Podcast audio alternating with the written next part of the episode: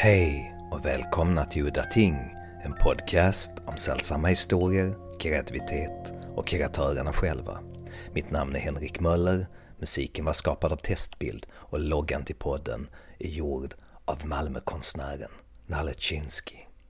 Det här avsnittet ska handla om kosmicism, det stora, svarta, kalla universum som var kärnan i Lovecrafts bästa historier. Universum likgiltigt inför människan på sin lilla planet. Ellen J. Greenham från Perth i Australien har skrivit en bok som heter After Engulfment och den handlar om kosmicism ur Lovecrafts perspektiv och hur tre andra författare, Frank Herbert, Robert Heinlein och Philip K. Dick, opererar i denna kosmicism. Sedan så har Ellen även skapat neocosmicism som hon sätter dessa fyra författares visioner i relation till. Och när jag började mitt samtal med Ellen så ville jag först fråga om hennes tema om minnesförlust och överväldigandet av universum att uppslukas. Eh, engulfment, som hon kallar det i boken. Why did you choose that title for your book, After Engulfment? Engulfment is such a, a significant and key factor of, of Lovecraft's cosmicism. And, and in as much as you know eventually when when the universe when, when the human sort of starts to recognize well here's the universe here is the everything as as it is once to use almost a, a sort of a biblical metaphor once the eyes are open there's no going back and it's so overwhelming that that it, it's an overwhelming engulfment. And then the only options that come when faced with the universe as it is are madness or death. So for me, when I was thinking about this, Lovecraft really is framing engulfment is, is that thing that is a point of no return, and there are really only these two options. So after engulfment was that sense of this thing that at some point will, will probably almost surely happen, it doesn't just have two options. And it's it's under under cosmicism where it's it is an end, there is actually something else that, that may be, that after it there is something. Could you talk about, because this fascinates me, the amnesiac quality of the light space as a safety net? The idea of the light space, it was something I heard at a conference back in 2010 over at Monash University in Melbourne. And there was a fellow delivering a paper, and he was talking about George Lucas's first film. Oh my goodness me, now I'm on the spot. It was THX, and I can't. That's the one. Thank you very much. And, and he was talking about that film, which I, I hadn't seen at that point in time. And he was talking about the use of, or not of color and of white and the white space. And he did some really interesting things around talking about the use of white and the white space in that film and what it signified, how he interpreted it. And I walked away from that conference thinking, well, what is what is white? What's the opposite? It's black. We're talking about black and white, light and dark. And that just flipped a switch in my brain. And it really was as simple as we are creatures born on a planet close. We, we, our star, our sun, is a very ordinary star. It's it's not extraordinary in any measure of stars, but it completely dominates our world. Our world circles around it. It lights our days, and at night, it, it's got enough light that can reflect off the moon to sort of semi light our nights. But when the sun is gone, and, and this, I guess, pictures back into again, it's a childhood thing. I, I was a kid that was a, terrified of the dark, really, really frightened of the dark. And it got me thinking that we're so used to the world of light, the light space. Our eyes are designed to operate at their optimum best when it's light we, we're not nocturnal creatures, so we don't need that kind of eyesight. and it's designed us in a way that in the light we can see where we are, we can orient ourselves to the world and to the universe. And when you turn out the lights and when it's dark, we are vulnerable. Beyond the regular patterns of night and day, for us as human creatures, when we step off this planet, either in reality or figuratively and imaginatively when we read text and especially science fiction text, when we step off our planet, the further we move away from it, the further we are moving away from this comfortable light space. We are moving into a universe, a, a, a solar system, a galaxy, a universe that is increasingly cold, dark, the space between objects that generate light, that is stars, is enormous, vast, empty, cold, dark. The further we move away from this light space, the, the more we're moving into something that we are not built for. That to me is like at night being in a room that's brightly lit and you flick the switch as a child, terrifying. As a child, having to get out of bed in the middle of the night to go to the bathroom and walk down a, a passageway, lighting lights as I went for the fear of if I couldn't turn a light on, um, somewhere in the dark was going to be the monster that was going to get me. And so it was just that childhood fear. Suddenly blew up into this sense of this is how we're built as creatures on this planet to exist in the light. And because we're so used to it, the amnesia of the cosmos, this, this idea of a, a cosmos, a construct that we put around ourselves, a cosmos is like a map and it's orderly and it's configured, it has rules and parameters that we understand.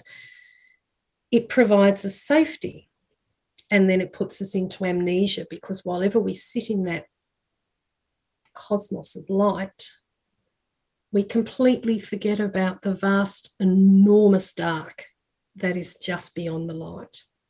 Could you talk a little bit about the terms cosmicism and then your neo-cosmicism? Look, cos- cosmicism, and it was really, again, it was such a fun process reading in the early parts of the research, reading through a lot of the letters that have been collected that Lovecraft wrote uh, because he was an incredibly prodigious writer. He didn't just write a, a fairly substantial body of fiction, but his his letter writing and, and other writing, non-fictive writing, was really, really substantial. And there were common themes that, that would come through the letters around the idea that, that is framed as cosmicism and this basic idea that the universe operates as an indifferent mechanism, it has no purpose or direction. It has uh, no emotion or ethic of human parameters. And in, then, in all of that, human life is quite insignificant. And of course, that's the revelation. When that point of revelation of all of that comes, that's where the engulfment is when faced with the universe. So then there's sort of madness, madness or death are our options and everything's going to end. And that's part of it too you know this is a, a universe without purpose and everything's going to end. It's it's a happy thought. So the more i considered this and considered this in light of not only lovecraft's fiction but science fiction in general and then back down to some other science fiction authors specifically this was something that worked. It, it didn't just work in Lovecraft's corpus of writing, it, it works more broadly into speculative fictions. But the, the human being in me, I guess, in some respects, really kept asking is there another option? Is it, is it only that we will go mad or we will die because they are the only ways to escape the reality of what the universe is.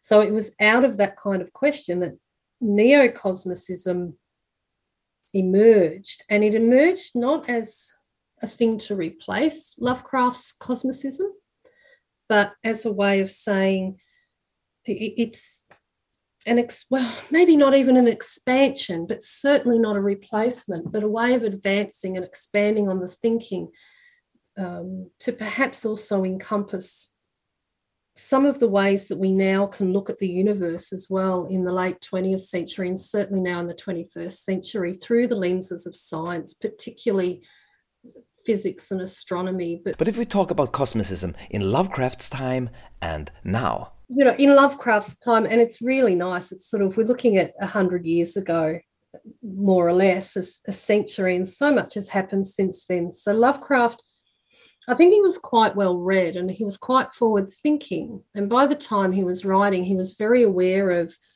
of some of the things that were emerging in in science in terms of the view of the universe. But the way some of the work of Einstein for example, had been picked up and advanced in towards the end of the century through quantum physics and the changing, I guess, of this, this view of the universe in terms of classical physics, the advance of quantum physics, and the way science has sort of changed the, the way we're framing and viewing the physical nature of our universe. We, we understand it and yet we don't all at once. It's a beautiful paradox. And as a layperson, it was it's been very, very hard to wrap my head around, but it was a, a wonderful journey to kind of discover and understand that as much as we think we know, even now, we actually really don't know a great deal. And in that, to my mind, particularly when we start to think about the sorts of things science fiction has played with for a long time and, and science really seriously investigates, for example, in theoretical ideas and modeling around the many worlds theory. For example, um, we, we have this beautiful palette of infinite complexity and possibility. And I just felt neocosmicism, at least in some small part, needed to be able to say, irrespective of what may stay the same from cosmicism to neocosmicism, for the human to, to, to be, to exist, and to to try and understand itself in the universe, whatever it is, it needs more options than to go mad or to die. So I suppose neocosmicism became a way of, of trying to explore and frame what is science, how is science expanding our view of the universe that gives possibility when we know we don't have all the answers. So, how do Philip K. Dick, Robert Heinlein, and Frank Herbert fit or don't fit into H.P. Lovecraft's concept of a universe? And how did you pick these particular three particular writers? I like I like the way you frame that question actually. Um, because clearly it's a given, and, and, by what I've said already, that Lovecraft was there. In these three, they they are nothing like Lovecraft. But it is a good question. How did I pick them? Herbert is probably the easiest one to provide an answer to on this, and, and it simply goes like this: in the I've got to think when it was, but in the early early 1980s. When would it have been? 1978, I think it was. My, my brother, he's 10 years older than me. 1978, he went to university. And I, as his little sister, would idolize him, love him, adore him, look up to him. And when he'd come home from university, which was in a different town, and so he lived away from home, he'd bring home mountains of books that he'd bought and read loads and loads of science fiction novels. And over two or three successive trips home on vacation, he'd bring home these, these books. And the first one was called Dune, written by this fellow called Frank Herbert. And he'd wake up early in the morning and then just lie in bed and, and be reading these. So I have these very early memories as a, as a child of these books. And then he'd leave them at home.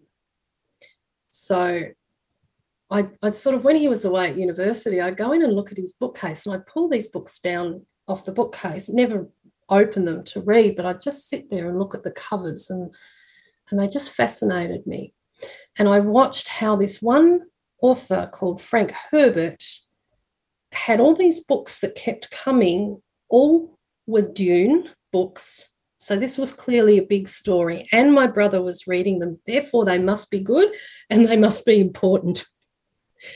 And, and that, that's just always stuck with me. So when in my adult years, I saw uh, the science fiction channel adaptation of Dune, and then they did another series, Children of Dune, and sort of gave us the first three novels. I was immediately captured by this grand, grand universe that had been created and the scale of so much. That's how, uh, for me, Herbert was a no brainer. And when I picked them up to read them again many more years later than that, I realized that Herbert did something incredibly. Oh, now this is an R moment of pause because I don't know what the word is. But he gave the world of readers a, a particularly detailed complex kind of world building that I'd only ever encountered sort of at that scale before reading Tolkien's Middle Earth, reading Lord of the Rings, The Silmarillion, The Hobbit. And here was Herbert doing it in science fiction. And the more I read these novels, the more I read through them, um, the more I realized that this great big novel that sits at the start called Dune is almost a whole novel that gives us the foundation so that he can then tell the real story that he really wants to tell us. And that's what happens in the next five books. So for me, and, and Herbert gave me again too, I realized this wonderful sense of being able to read him through the lens of cosmicism. And then it, it moves through this strange space to become text that can also be read through the lens of neo cosmicism. Herbert probably does that one better for me than anyone.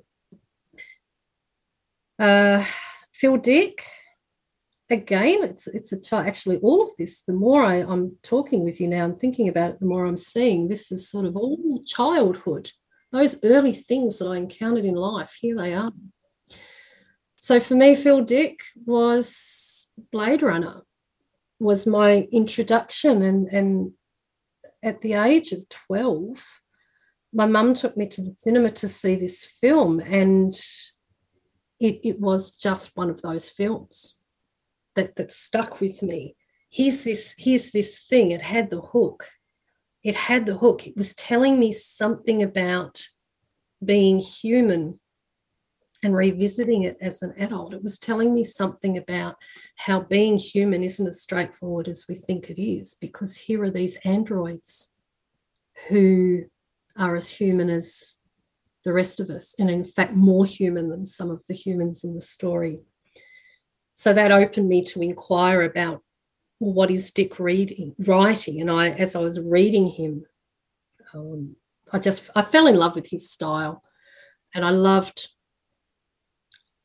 I love the way that Dick was prepared to rebel in some respects against the establishment.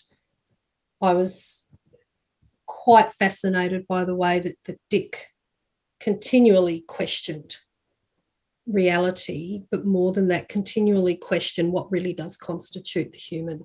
Sorry to interrupt you here, but speaking of Philip K. Dick, uh, I, don't really see any cosmicism in his work, uh, so that that's why he sort of puzzled me. Because Dick always stays on Earth; he never goes out into the universe. His stories are more about, as we talked about, inner worlds, uh, intense private worlds, and uh, other dimensions and parallel timelines. So, uh, how does Dick fit into the the cosmicism, the, the universe, so to speak?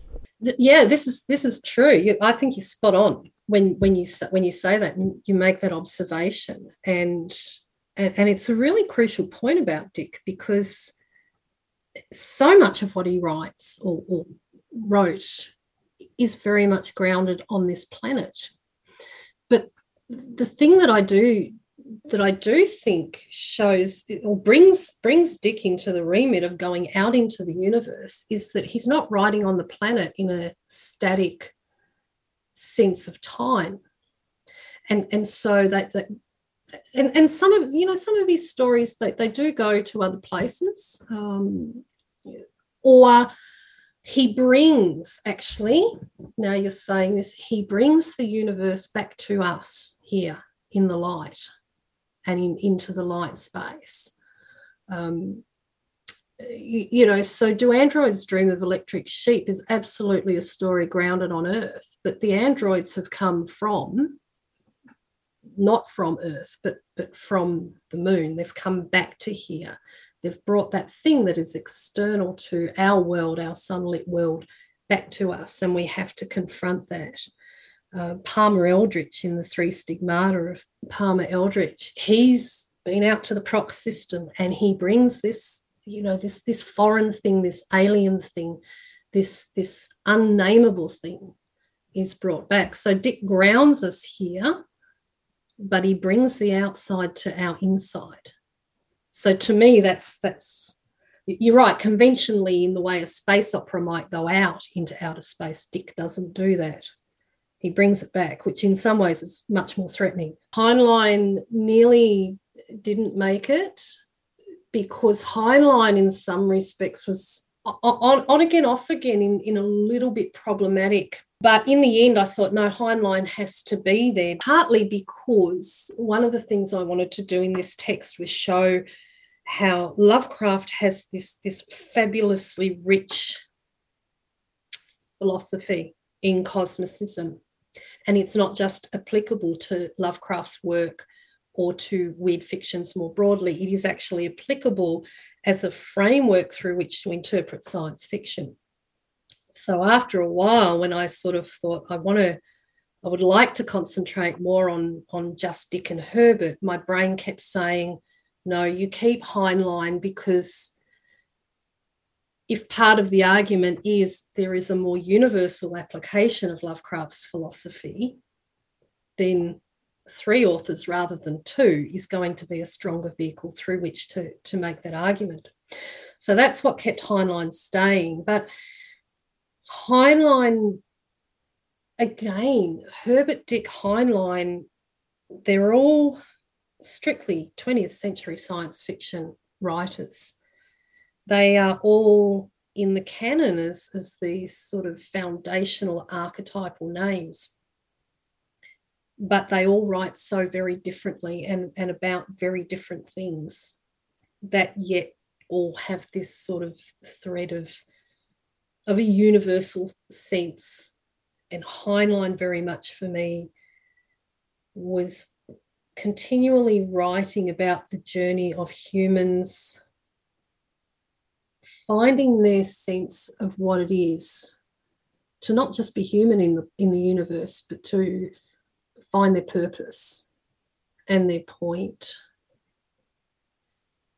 and the other really great thing about keeping Heinlein is that he's become a little bit controversial to sort of speak about in some circles simply because of, of some of, of his what are now considered not necessarily uh, views around well women in particular i guess is is one but he's quite often considered a bit too right wing now he certainly had um, some fairly strong views that are not necessarily seen in the same light now as the context in which they were birthed.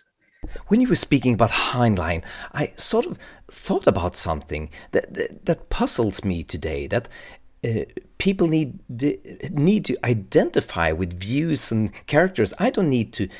I don't feel that I need to agree with an author's views or identify with their main characters, like some older people today that can be provoked because they can't identify with a gay character's perspective, or for that matter, people who are provoked because they can't identify with Arthur Machen's strange old views on romance and because sexuality was so alien to him and his ancient Catholic background.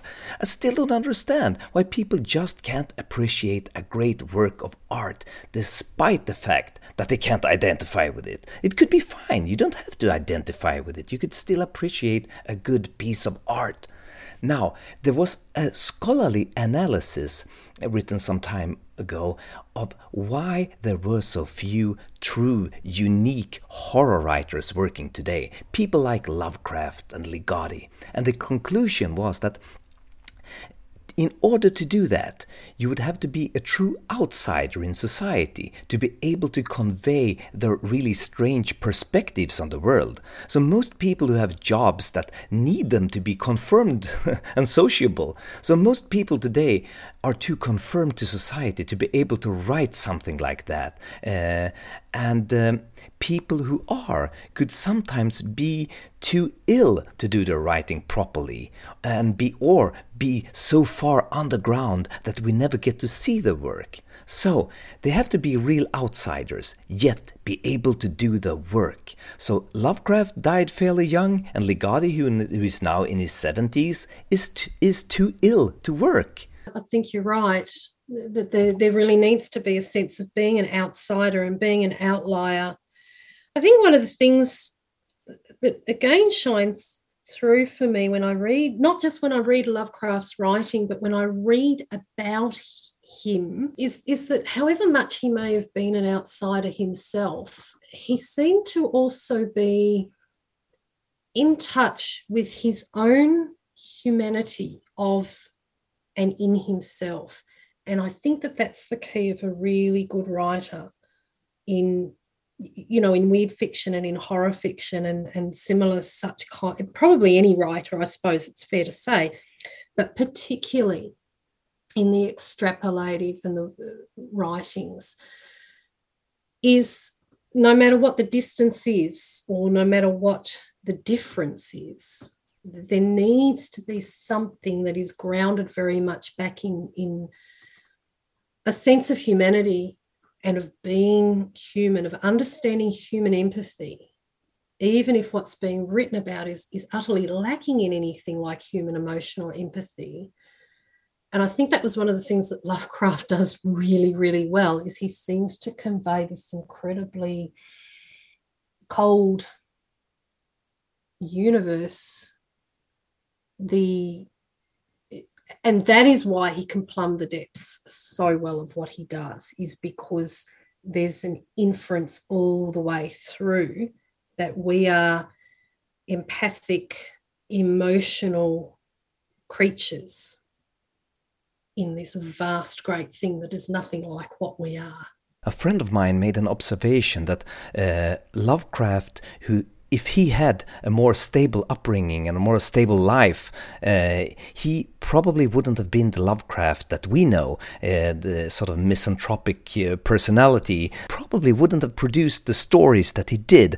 And uh, probably then his stories would have been more Dunsanian, the, that he would have sort of been a Dunsanian fantasist. What an interesting observation, because it's almost this, this beautiful parallel of, of almost moving as a, as a person, we're talking about Lovecraft here, but is it perhaps not applicable more broadly of, of moving from that, that lovely naivete and innocence of youth that is the world of fantasy? And as life and experience accumulates, it, it gets more, well, more what it became, certainly in Lovecraft's writing, more expansive, bigger, but also colder, darker, moving from from fantasy that's almost mythic in a beautiful way to cosmic horror because in the end is is this really what it is? Um, what a lovely observation of lovecraft and i wonder is that not as we get older as human beings i wonder how many of us have some sort of parallel sense of how we identify ourselves with the broader cosmos. In your chapter, The Schizophrenic Universe, uh, you write this, and I'm quoting you now The universe is no longer one stable thing or the other. It's neither machine nor God's creation. I love this quote of yours. Could you talk a little bit about your concept of the schizophrenic universe? Around around the idea if, if we have if we have a cosmos, let's let's step it back to the cosmos. So the idea of a cosmos is that the cosmos is a construct. It's it's a map. It's a framework and it can be used like a map, like a guidebook. It tells us where we are, it it tells us where we are in relation to other things. And so one of the things that I talk about is, is that particularly in Western culture more broadly, there are two dominant cosmoses that we tend to frame. One I call the Genesis cosmology, which is grounded in the idea of the creation story that we find in the book of Genesis in the Bible and the other one and so and that's also a cosmology that, that has a god and an idea of creation and hierarchy in that creation and layering so we get already get a sense of ordering of being and then the other cosmos that, that we have is what i call the universe's machine which is probably more closely aligned in some ways to, to lovecraft's cosmicism as well because he does talk about the universe being a mechanism. But the universe's machine really is this idea of, of an ordered mechanism. But as an ordered mechanism, it is perpetual, it's ongoing, it, it doesn't need a creative deity to have sort of got it in motion. So the schizophrenic universe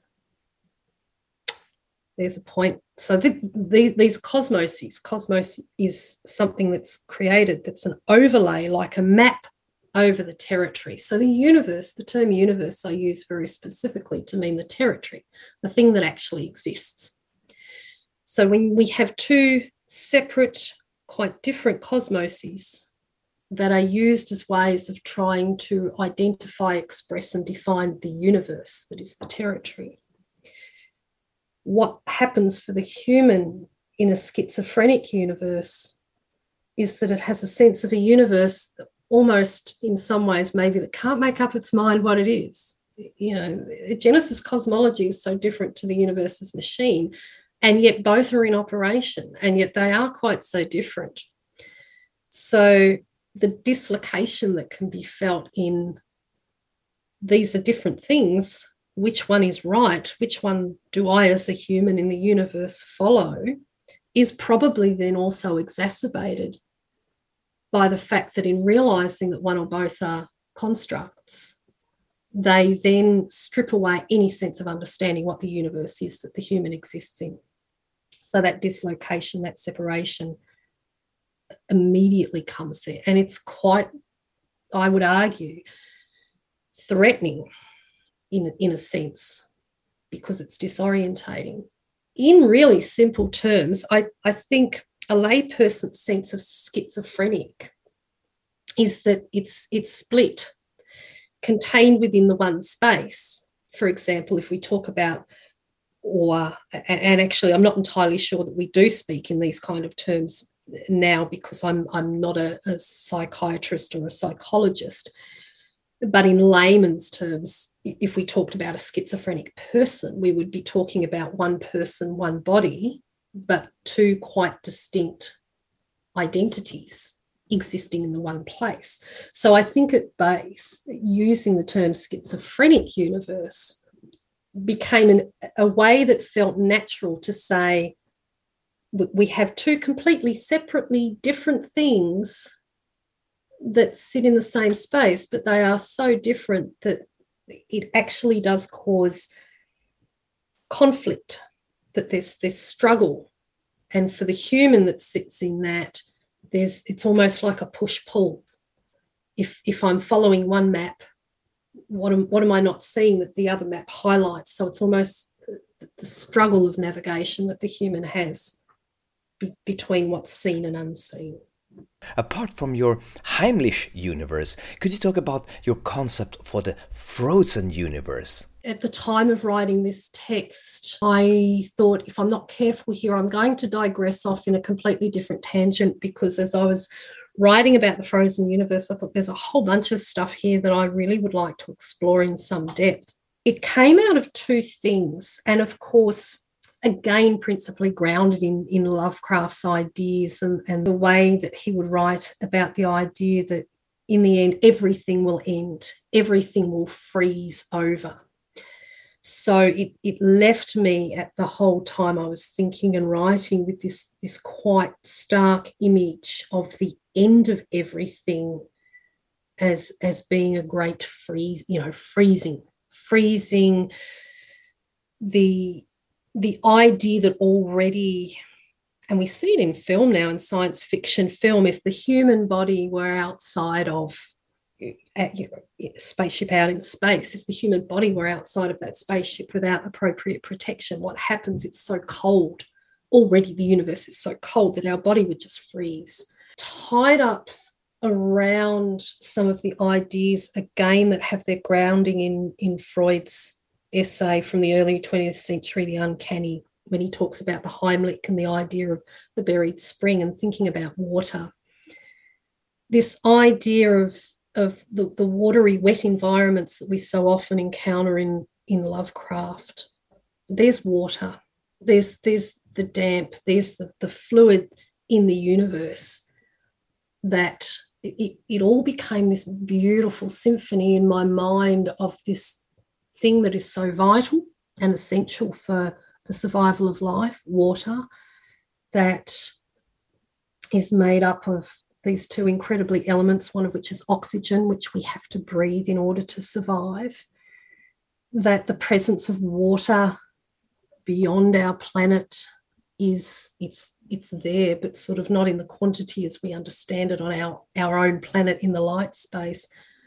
So, water and the idea of water freezing, the universe freezing, everything being so cold, became a thing that I, I just thought I'm going to come back to that. I want to expand on this more, but now is, is not the place. And the idea of the frozen universe really did also help bring the cold, wet, and damp motif from cosmicism up towards the end of that part as a counterpoint for then when I, I start to move into exploring well what is neo-cosmicism and where does it go? Moving that and the way it progresses then into the idea of, of the proving ground and part of that the idea of the complete opposite of the, the cold wet damp environment into this harsh dry desert environment which again we particularly get through herbert as we move into neo-cosmicism. So the frozen universe is a probably a thing that an idea that is formed that would like to have time to expand and continue to grow, I suspect. If we go a little bit into neo-cosmicism, because this is such a long chapter, such a big chunk of your book, but if you can choose for yourself, and uh, I won't influence you too much, but I sort of laughed out loud. I thought it was so fun. Oh, this is great when I read the, the headline of the romantic universe. I thought it was so fun. Now that you, you you bring up the romance of the universe, I think I am actually going to to go there and, and go to this idea. And I found it intriguing. And I found it intriguing as I really started to consider how now I've got this idea of what neo-cosmicism might be beginning to evolve to be. Now that I have this, and I read the most fascinating writing uh, article written by Barton St. Armand. I can't think of the article's name, but he writes about, particularly about Poe's uh, The Fall of the House of Usher. And he writes about this idea that the landscape in that story is in and of itself a character.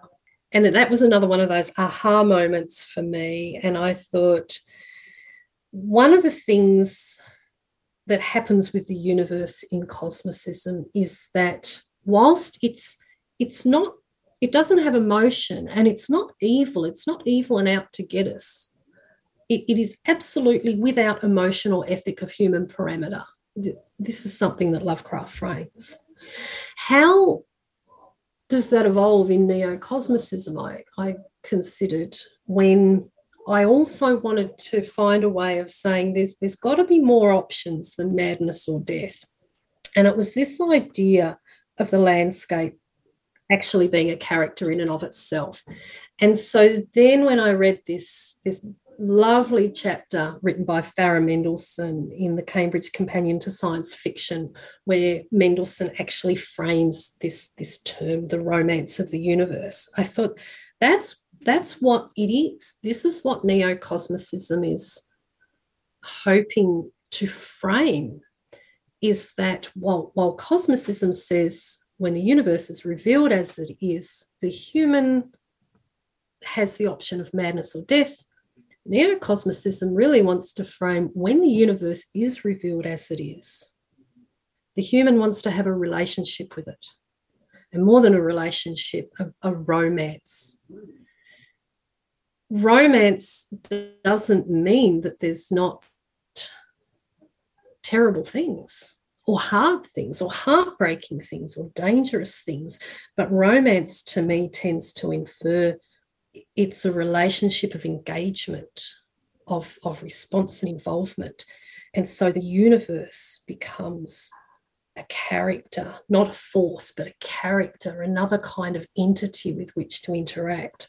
So from that sort of came like little starbursts, these all sorts of thinking around the idea of as we gain a better sense of our own insignificance and and let go of a sense of significance it's it's freeing in as much as we can then explore well what is the reach that the human may have? Now that i am no longer constrained by a sense of significance now i understand that the universe is nothing like the map the cosmos told me it was now what can my reach be? What can my journey be? And now it can be something that is actively chosen, actively engaged. And to my mind, I think in the end, I really did come down to the idea that that can only happen if it's relationship, if it's, and romance is such a beautiful word for that. Um, and even Herbert writes, he writes beautifully around the planet Arrakis. It, it has presence. It's not just a planet, a static thing. It, it really has presence, and particularly the, the Fremen on Arrakis, on Dune, they have relationship with it quite directly. And it is a harsh proving ground that tests, and not everybody passes the test. That's also sort of a metaphor, thinking of Frank Herbert when he gives Leto that famous line Dune is a deadly trap. And that made me think of uh, that as, at the beginning, Dune is this horrible, unfriendly, harsh place, but as time goes along, he starts to fall in love with Dune. He sees the romance in Dune. Yes, and and what what a beautiful thing to consider when we think about Leto's words of Dune is a deadly trap. And then when Paul Atreides is being tested by the Reverend Mother, Mother, the Bene Gesserit Reverend Mother, and she talks about an animal caught in a trap and what an animal caught in a trap will do and what a human caught in a trap will do. And then Herbert, for me, just explodes into this gorgeous symphony. Ja, och med de orden så var det slut för den här gången. Mitt namn var Henrik Möller Musiken var skapad av Testbild. Hej då!